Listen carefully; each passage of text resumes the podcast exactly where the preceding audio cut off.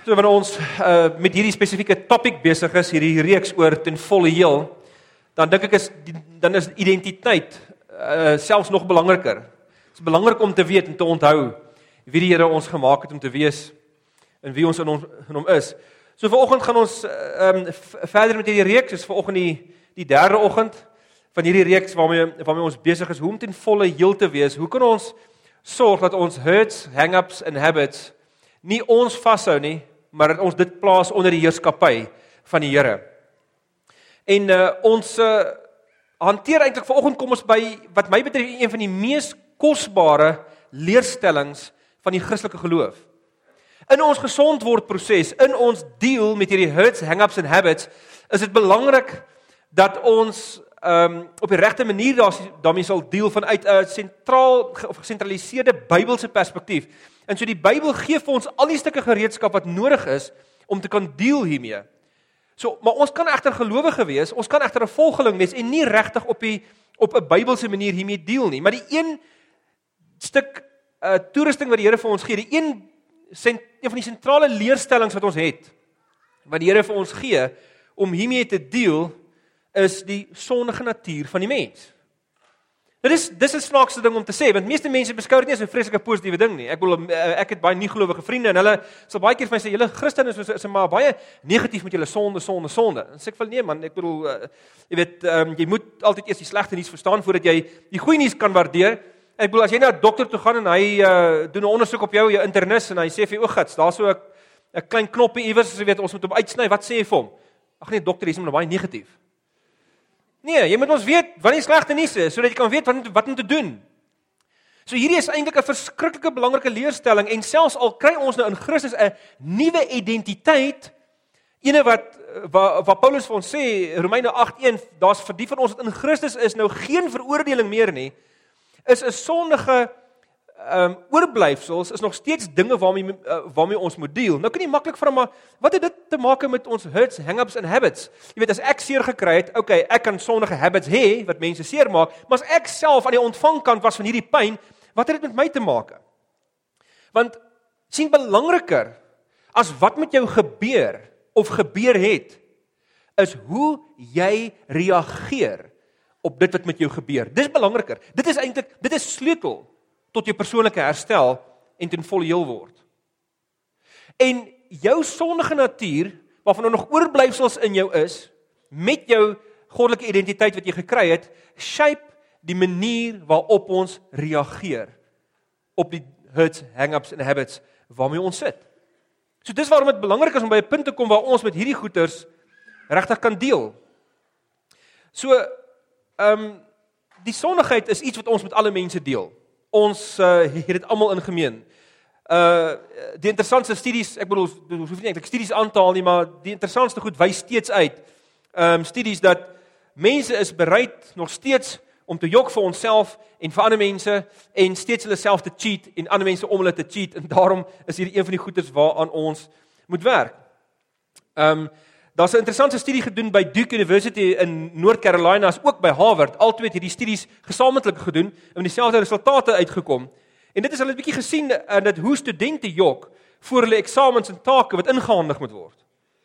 Hulle kom agter dat daar's daar is 'n vlaag van familielede wat ewe skielik sterf onder studente se familie. Aan die einde van 'n semester, gewoonlik so 1 week voor of, of, of, of voor 'n eksamen begin. Watter familielede is dit wat gewoonlik sterf?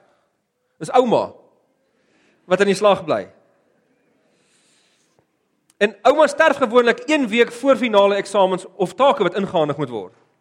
So, dit interessant oumas staan 'n 10 maal groter kans om te sterf voor 'n halfjaar eksamen en 'n 19 maal groter kans om te sterf voor 'n eindeksamen as sommer net in normale omstandighede. Maar wat nog erger is, is oumas van studente wat in die algemeen vrot vaar in die klas Hulle staan 'n groter kans om te sterf as studente uh, as oumas van studente wat in die algemeen goed doen. So studente wat wat pluk, wat plukpunte het, jaarpunte het voor hulle eksamen skryf. Hulle oumas staan 'n 50 maal groter kans om te sterf as studente wat deurkom. As die moral of the story is as jy 'n ouma is, moenie jou kleinkind universiteit toe stuur nie. Jy mag dit dalk nie oorleef nie. Maar dit is sommer op 'n ligte noot wat vir ons duidelik wys en duidelik sê, dit ons lag daarvoor want ons erken iets van onsself in hierdie goed. Ons er, ons weet ons struggle self. Miskien is jy een van die mense wat as student hierdie goed gedoen het. Ek het dit nooit gedoen nie. Ehm um, maar uh my gelukkig is my vrou nou nie hier nie. Want ons het saam geswat, so sy weet alles. Maar hoe deel ons hiermee? En en ek wil hê ons moet sommer dadelik in 'n teksgedeelte induik waar die Here vir ons so prakties help en so prakties wys hoe deel ons met hierdie ding? Want hierdie klein goedjies, ehm um, wat ons mee struggle en hierdie diep gewortelde steeds gewortelde uh oorblyfsels van sonde waarmee ons in ons sit. En ek sê pertinent oorblyfsels want ons is nie meer sondaars nie. Dit is nie meer ons identiteit nie. Ons is nuwe mense in die Here. Paulus noem geen gelowige ooit meer 'n sondaar nie. Gaan lees dit 'n bietjie. Hy moan wel oor hulle sonde. Maar hy sê jy's vir hulle, julle het 'n nuwe identiteit, julle sonde pas nie meer by julle nie. Man word nou groot, get alive. Jy het 'n nuwe moontlikhede het vir jou oopgegaan met hierdie ongelooflike identity wat die Here vir jou gegee het. Sonde pas nie meer by jou nie, dit fit nie meer nie.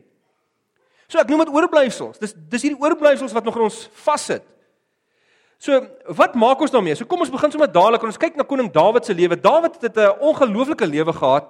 'n uh, 'n man na God se hart. Julle almal weet dit. Hy was vir die Here baie lief en die Here was vir hom baie lief. Maar Henk, hy was ook een van die grootste droogmakers in die geskiedenis gewees. So ons begin sommer dadelik um, met met 'n storie van hom en uh, dit begin eintlik by by by uh, 2 Samuel 11 alhoewel ons nie daai uit gaan lees vanoggend nie. Is waar hy natuurlik uh, vir vir vir Batsheba sien en ehm um, en uh, toe sy besig was om te bad, het hy haar dop gehad. Hy het gesê, "Nee, dis 'n mooi girl en uh, haar man was op die oorlog gewees. Hy het hy het hom uitgestuur in die voorste frontlinies sodat hy kan sterf en toe hy en toe het vir Batsheba oorgeneem en gevat as sy eie vrou in hierdie hoofstuk wat ons nou gaan lees, volg op daai gedeelte. So hoofstuk 12 van 2 Samuel sê die volgende: Daarna het die Here vir Nathan na Dawid toe gestuur. Nathan het by hom gekom en gesê daar was twee mans in dieselfde plek. Die een was ryk en die ander een arm. Die ryke het groot troppe kleinvee en beeste gehad, behalwe een ou ooi lammetjie, het die arme man niks besit nie.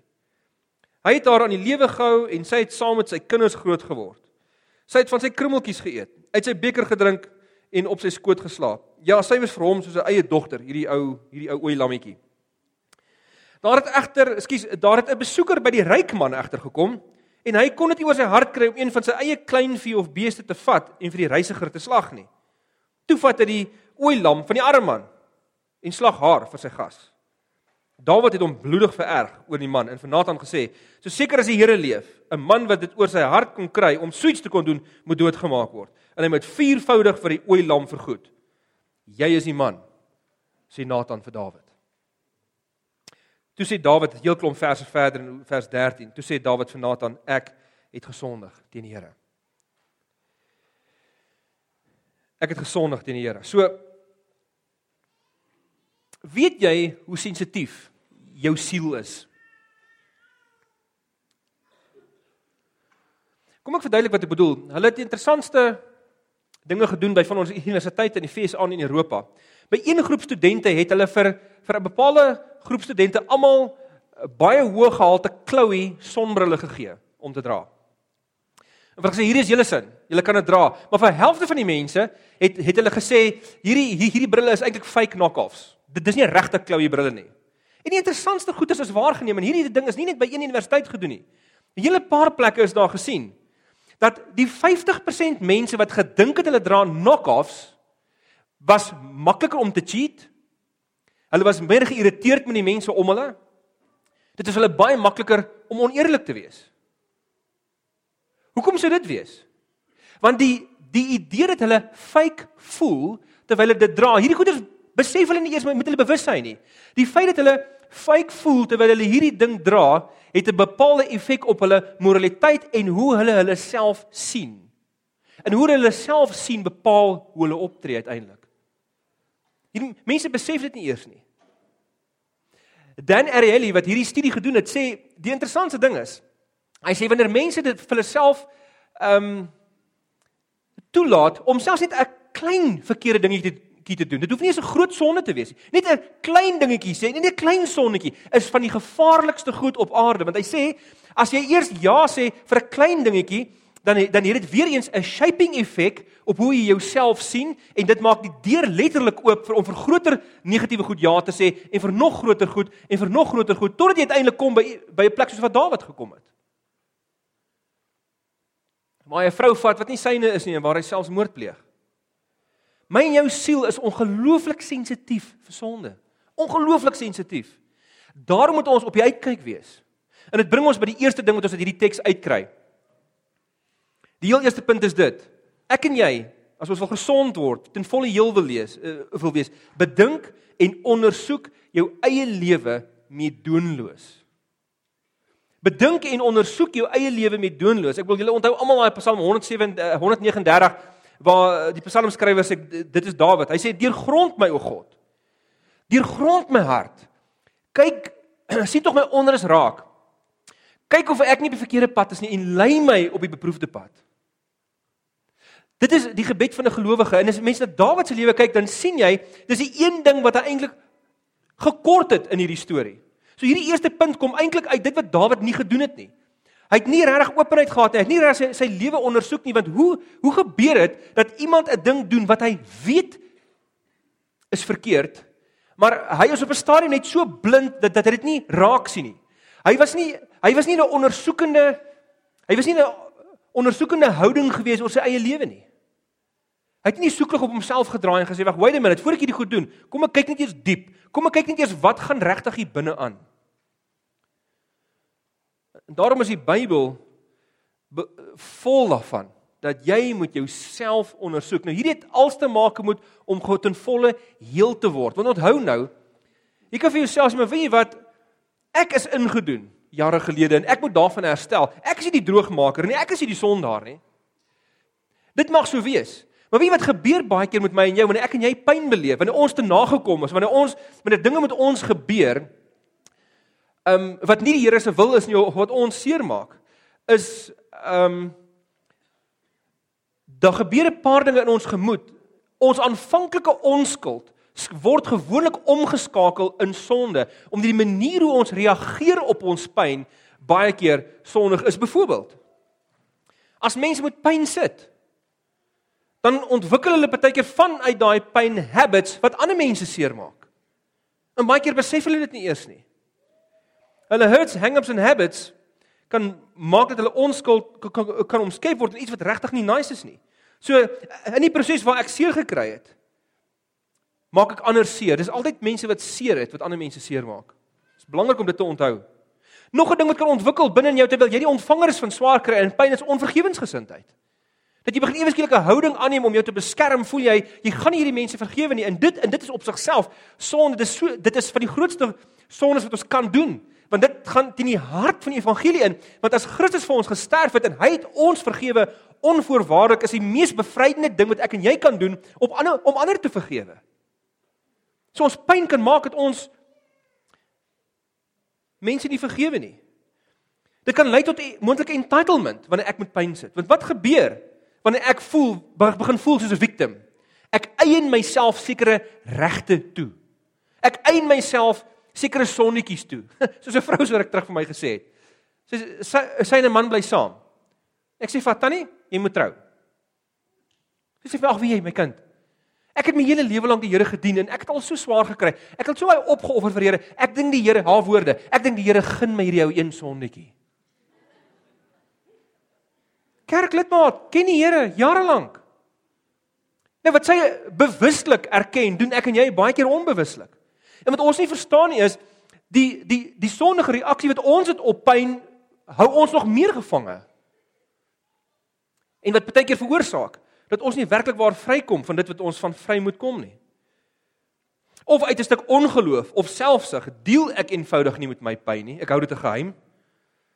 En nou reageer ek vanuit my pyn om myself te beskerm.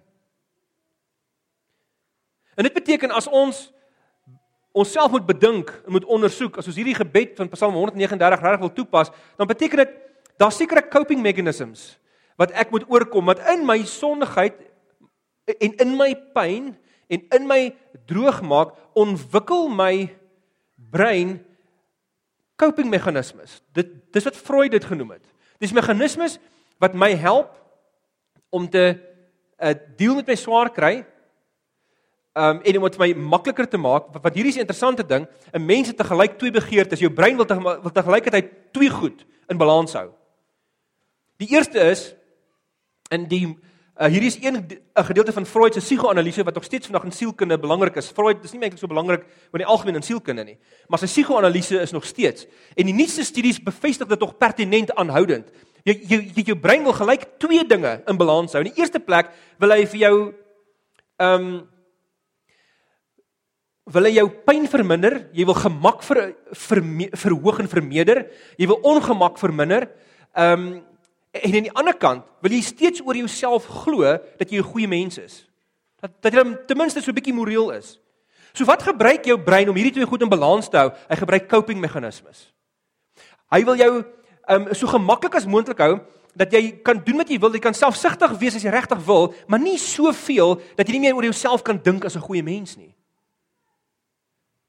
So hy gebruik die meganismes van ontkenning. Hy jy skakel net sekere realiteite oor jouself uit. Jy jy jou brein is in ontkenning, jy erken nie jou eie foute nie. Jy sien dit eenvoudig nie raak nie. 'n Tweede coping meganisme is rasionalisering. Wanneer jy jy jy regverdig jouself rasioneel wat jy doen. Jy kan jouself jy kan dit so goed doen. Jy kan jouself in 'n hof verdedig jou sonde wat jy doen. So bulletproof is jou argument. Maar as rasionalisering, jou brein dis wat jou brein op opdiep En hy gebruik intellektualisering. Dis veral belangrik as dit kom by by heel word want wat dit beteken is um diep emosionele goeters hou nie daarvan om jy emosioneel te deel en jy deel nie jou emosies nie so jy jy, jy intellektualiseer alles. Jy maak eintlik van diep emosionele goed maak jy rasionele dinge. So op 'n einde deel jy nie regtig met jou emosies nie. Dis waarom dit so kardinaal belangrik is dat ek en jy gedurig sal leef met 'n awareness oor onsself. Hierdie ding doen nie sommer net wanneer jy altyd in die bed lê en dink, "Oké, okay, uh, wat stap ek moet verander? Oké, okay, uh, so een of twee goed goed kom ek slaap." Hierdie is iets wat jy moet tyd aan spandeer. Hierdie is dinge wat jy aan moet dink. Hierdie is dinge wat jy jou vrou oor moet vra. Wat sy gaan vir jou sê? Of jou man of jou kinders. Mense naaste aan jou is baie keer die beste mense om vir jou te sê om jou te help met hierdie ondersoek. Want as jy nie aware is nie, dan gaan jy in gevange dan gaan jy gevangenes bly. En jy gaan mense om jou gijslaar hou uit jou pyn en uit jou eh, hang-ups en uit jou habits wat jy ontwikkel het. So hierdie is 'n vreeslike belangrike ding as 'n mens wil ten volle heel word. In die eerste plek, bedink en ondersoek jou eie lewe met doonloos. Die tweede enetjie is: leer die bevrydende geestelike gewoonte van sondebelydenis. Nou hierdie goed, ek het gestruggle met vanoggend se boodskap omdat dit vanoggend se boodskap so oorbluffend eenvoudig is. Maar dit is 'n eenvoudige goed wat ons baie keer mis. Dis 'n eenvoudige goed wat ons weet, maar nie doen nie. En as ek 20 jaar terug hieroor gepraat het, sou ek nie daar ek sou nie gesê leer die bevrydende geestelike gewoonte aan van sondebelydenis nie. Ek sou net gesê het, wie ons almal bely ons sonde, hou net aan daarmee want ons kom uit 'n era waar, waar ons geweet het wat 'n sondebelydenis is, maar ek ont, maar kom agter vandag is dit glad nie meer so nie. Dit dit dis nie baie gewild om eers om eers te praat oor sonde nie. Onthou, dis dis nie sleg nie. Dis net om te praat oor die siekte sodat daar genesing kan wees. Dis al. Dis net 'n reality check. Die eerste taak van leierskap altyd is define reality. En dit is my en jou eerste taak ook. Definieer die realiteit oor jouself. Moenie jouself mislei nie. Dink diep oor jou eie goed. Maar hierdie tweede ene. Ek dink daar's baie mense vandag wat swaar kry. Emosioneel, psigies swaar kry net omdat hulle nie meer weet hoe om sonde te bely nie. En ek dink by baie mense, dis nie by almal nie, ehm um, Baie mense het het ordentlike terapie nodig soos by Koram Dayo uh of hulle moet uh, mense gaan sien wat hulle regtig kan help. Maar selfs deel van daai pad kan iets wees van sondebelydenis. Ek dink baie mense sit vas waar hulle sit omdat ons afgeleer het hoe om regtig te deel met ons gemors. Met ons sonde. En daarom gaan ek net vir julle 'n stukkie lees van Dawid. En uh, julle sal hierso sien in Psalm 51 Uh hierdie is die gebed wat hy gebid het nadat Nathan hom vasgevat het. Daar staan van die koorleier, 'n Psalm van Dawid, na aanleiding daarvan dat die profeet Nathan na hom toe gekom het oor sy oorspel met Batsheba. Wees my genadig o God in die troue liefde. Wis my oortredinge uit in die groot barmhartigheid. Was my skoon van my skuld. Reinig my van my sonde. Ja, my oortredinge ken ek al en van my sonde blyk altyd bewus. Teen U alleen het ek gesondig. Ek het gedoen wat verkeerd is in U oë. U uitspraak is dus reg en U oordeel regverdig. Ek was al skuldig toe ek gebore is, met sonde belaaid toe my moeder swanger geword het. Maar U verwag opregtheid diep in 'n mens se hart. Laat ek dan diep in my binneste weet hoe U wil dat ek moet lewe. Neem tog my sonde weg dat ek kan rein wees. Was my dat ek witter as sneeu kan wees. Laat my weer blydskap en vreugde belewe. U het my verbrysel. U laat my uh, laat my weer jubel. Moet tog nie agslaan op my sondes nie. Wis al my skuld uit. Skep vir my 'n rein hart o God. Vernuwe my gees en maak my standvastig. 'n Offer vra U nie. Anders sou ek dit bring. 'n Brandoffer wil U nie hê nie. Die offer wat U wil hê o God is verootmoediging. U sal 'n hart vol ootmoed en berou nie geringskat nie o God. Nou wat ons op moet let is met hoeveel omvattendheid hy sy, sy geestelike rouproses, sy sy belydenisproses neem. Dis interessant wat hy hy sê nie net vir Here oor ek is jammer, Here vergewe my nie. In in die Nuwe Testament dink ek sê vir ons duidelik as Paulus sê daar's vir ons wat in Christus is, nou geen veroordeling meer nie. Hy het ons vergewe nog selfs voordat ons droog gemaak het. So hoekom hoekom doen Dawid dan hierdie geweldige extensive tipe van sondebelydenis want weet jy wat dis 'n manier waarop jy jou eie siel skoon maak. Dit is 'n manier waarop jy jouself net weer reinig.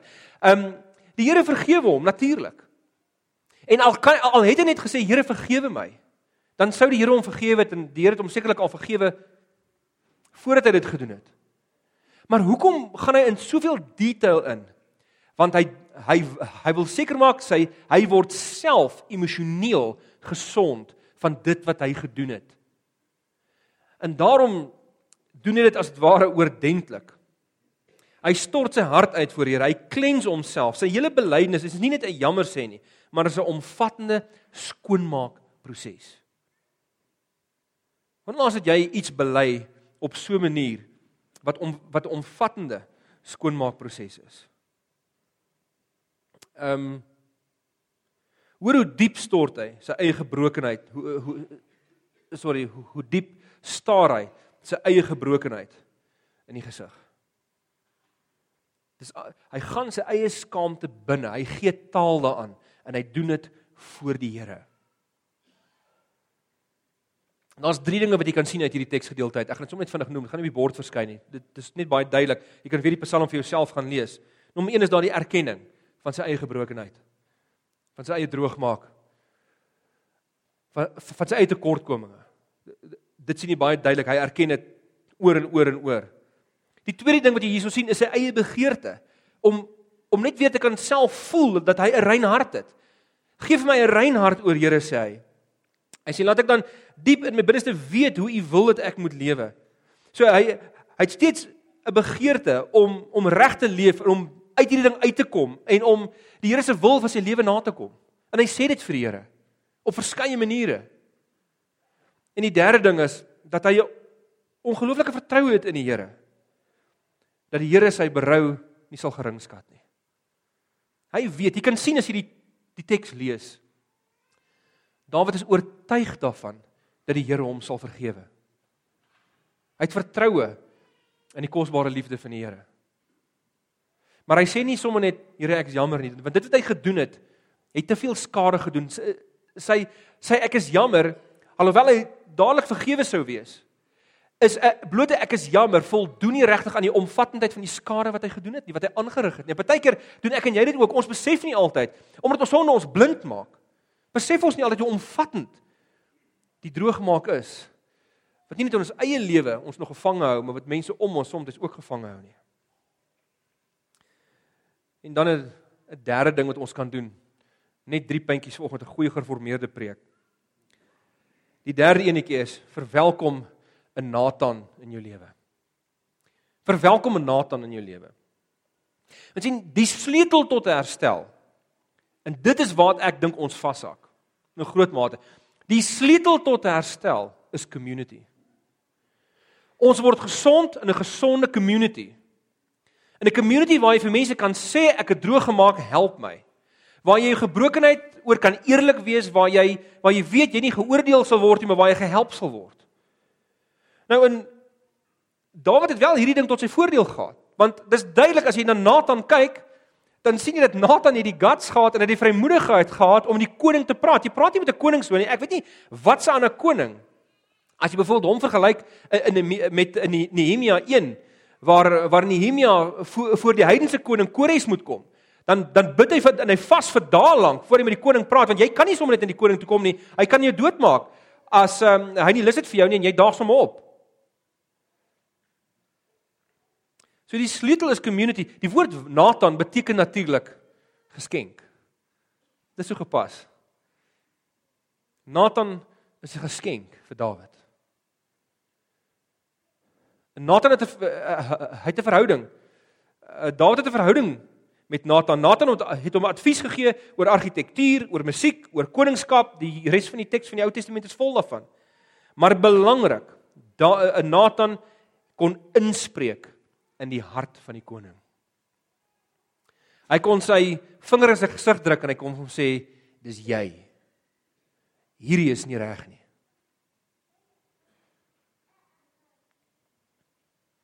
Die koning het iemand toegelaat om dit te doen. 'n Nathan in jou lewe is, is is iemand wat jy behoort te vertrou, maar is nie eintlik altyd 'n welkome die die advies wat daai mense gee is nie altyd welkom nie.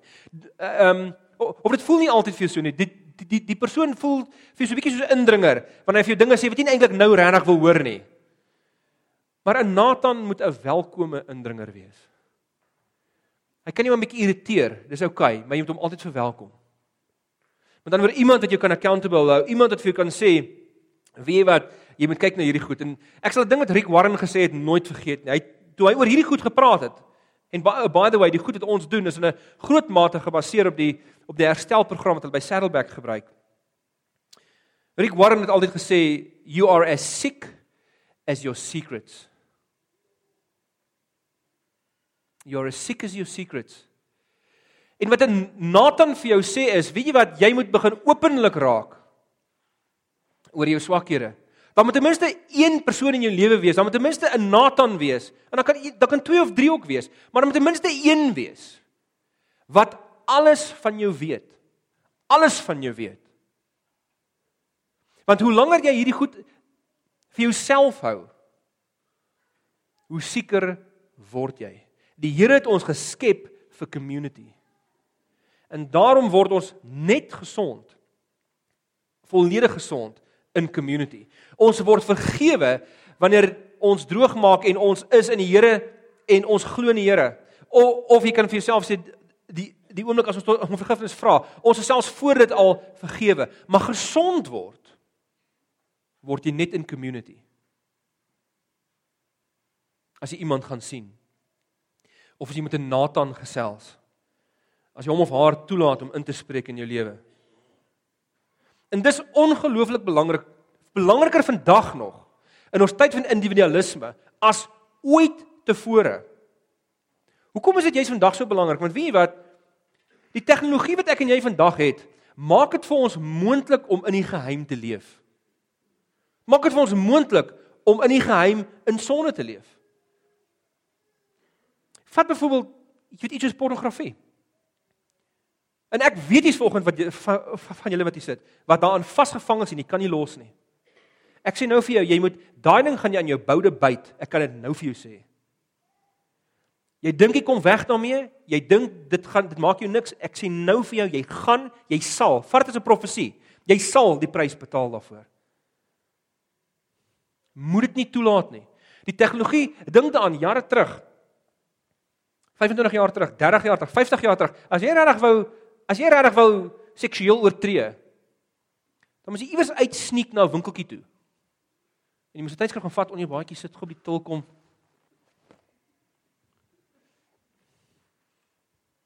Dis nie oefening wat dit so vinnig maak nie. Maar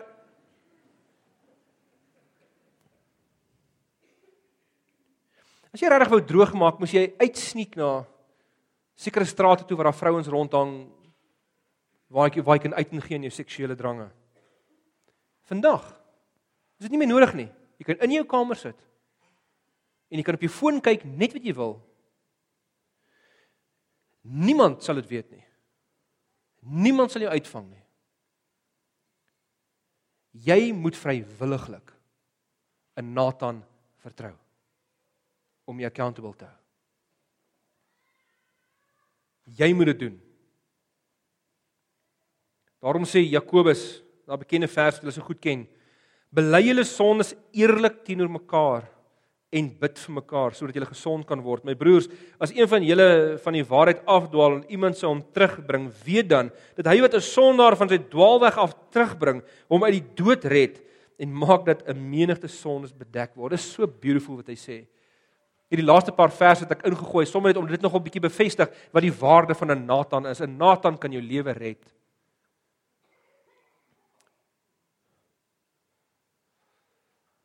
Sy kan jou regtig help om vry te kom van 'n klomp goed. So die media maak dit vir ons maak dit vir ons moontlik. sien ek en jy het gedurig 'n bewustheid nodig van ons eie kwesbaarheid en van ons eie gebrokenheid. Ons het nodig dat iemand dat iemand ons daaraan herinner en hoe belangriker die pos is wat jy in die lewe beklee.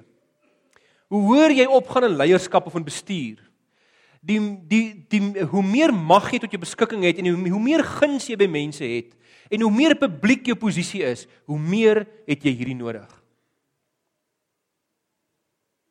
Want mag en posisie en dit dis nie altyd sleg nie. Die Here vertrou ons met mag en met hoë posisies. Maar dis terselfdertyd 'n hengse versoeking. Hoe meer mag jy het, mag maak jou blind vir jou eie swakhede. Veral as jy 'n suksesvolle leier is of 'n suksesvolle bestuurder of 'n suksesvolle sakeman. Hoe meer suksesvol jy raak, hoe meer nodig het jy 'n Nathan. Dis waarom Nathan met 'n koning moes praat. 'n Koning het dit bitter bitter nodig. So hoe kies jy vir jouself 'n Nathan? 'n Nathan met drie eienskappe, net vinnig. Hy moet empatie hê met jou. So hy moet nie oordeel nie of sy. Hulle hy of sy moet autoriteit hê. Jy moet dit vir hulle gee. Hulle moet dit kan inspreek en hulle moenie bang wees om jou reg te wees nie. Hulle moet met jou kan eerlik wees. En derdens, hulle moet betroubaar wees. Anders jy wil nie hê dit wat jy vir hulle sê gaan hulle, jy weet, nou op Facebook post nie of op Instagram nie. Hulle moet betroubaar wees. Maar jy moet hemel en aarde omkeer om vir jouself 'n Nathan te kry. So die afgelope paar weke is ons besig met hierdie met hierdie herstel akrostiek ehm um, of akroniem liewer is die is die Afrikaanse woord seker. En ons het daai eerste 3 moet al, al met julle gedoen. Die heel eerste ene is hou op om te dink dat jy God is. Erken net jou eie magteloosheid in die algemeen, jou gebrokenheid. Erken dit net.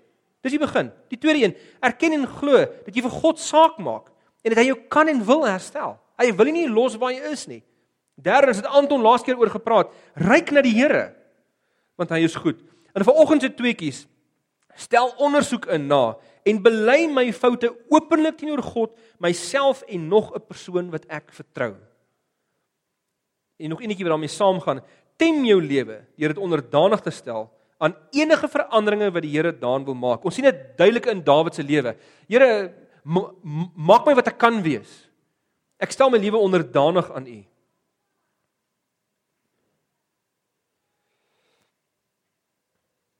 So die Here het vir ons gesterf Nie net sodat ons vergewe kan word nie, maar sodat ons oë kan oopgaan oor onsself en oor ons verhoudingswêreld.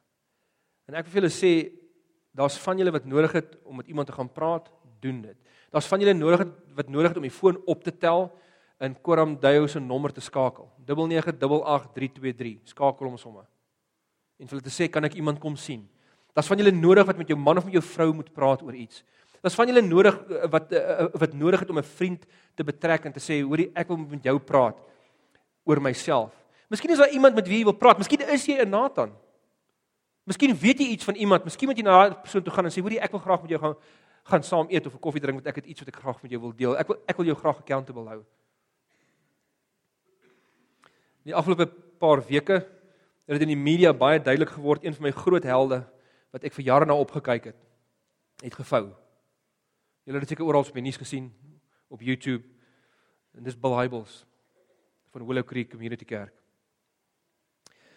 Hy het 'n uh, eh, as dit menslik gesproke nie vir Bill Hybels was nie, het ek nooit 'n kerk geplant nie. Sou ek nie dink ek evangelisasie soveel geniet het soos wat ek dit geniet het nie.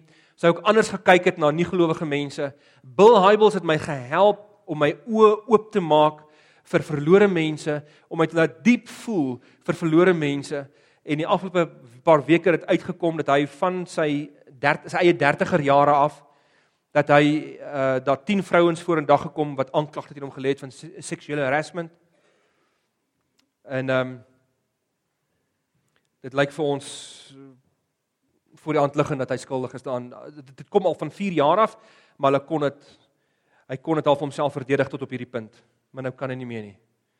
Hy het gevou en hy skuldig. Wat my geskok het hiervan is nie omdat net nog die geestelike leiers wat wat geval het nie. Daar val nie gedurig predikante en leiers en Christen sakemanne om ons die hele tyd, mense is gewoond daaraan. Maar Bill het in my lewe so geweldige impak gemaak en wat vir my geval geskok het is hy was nog altyd wat my aangetrek het van hom onder andere was dat hy so deursigtig was oor sy eie swakhede nog altyd. Hy het altyd gepraat oor sy sy struggle uh met sy eie leierskap.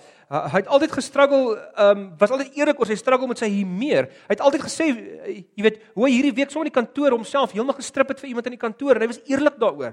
Hy hy het ehm um, hy was eerlik oor sy stormagtige huwelik, oor sy rebelse kinders, oor al sy struggles. Maar toe ek nou terugdink, toe dink ek, daar's een ding wat hy wat ek hom nooit oor hoor praat het nie. Sy seksualiteit. Dit was sy geheim. En nou na die tyd het die leierskap van die gemeente daarmee uitgekom. Ek kry hulle jammer. Hulle het met hulle in 'n hengse posisie sit. En hulle het gesê hulle het probeer om hom accountable te hou. Hy het dit weerstaan, hy wou nie. Een persoon, net een wat nie 'n Nathan wou aanvaar in sy lewe nie en hy breek 'n hele gemeente. Duisende mense wat daaronder lê.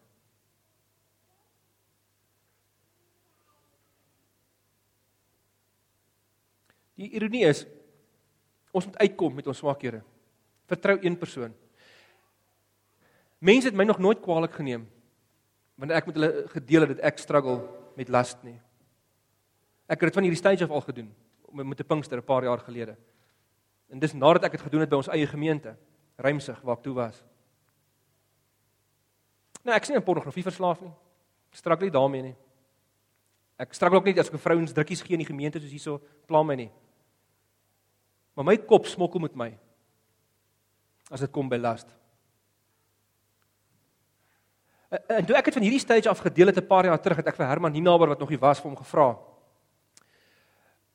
'n maand daarna sê vir my het het het jy enige was enige reperkusies gewees oor dit en hy het gesê Rudolf niks. Hy sê die positiewe effek wat daar uitgekom het was so positief. Hy sê trouens het dit my gehelp om bietjie te begin begin begin praat oor my eie depressie.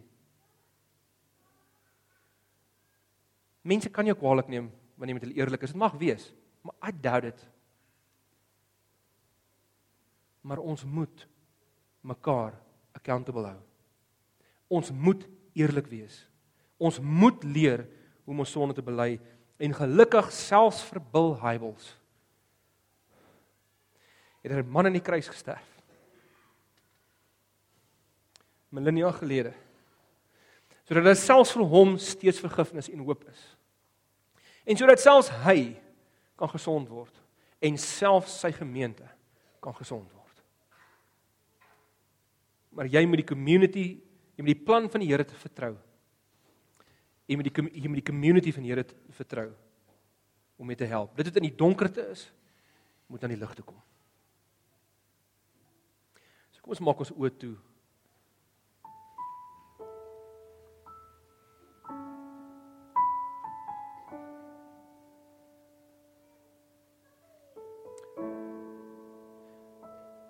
Dis net jy en die Here vir 'n paar oomblikke. So praat met hom daaroor.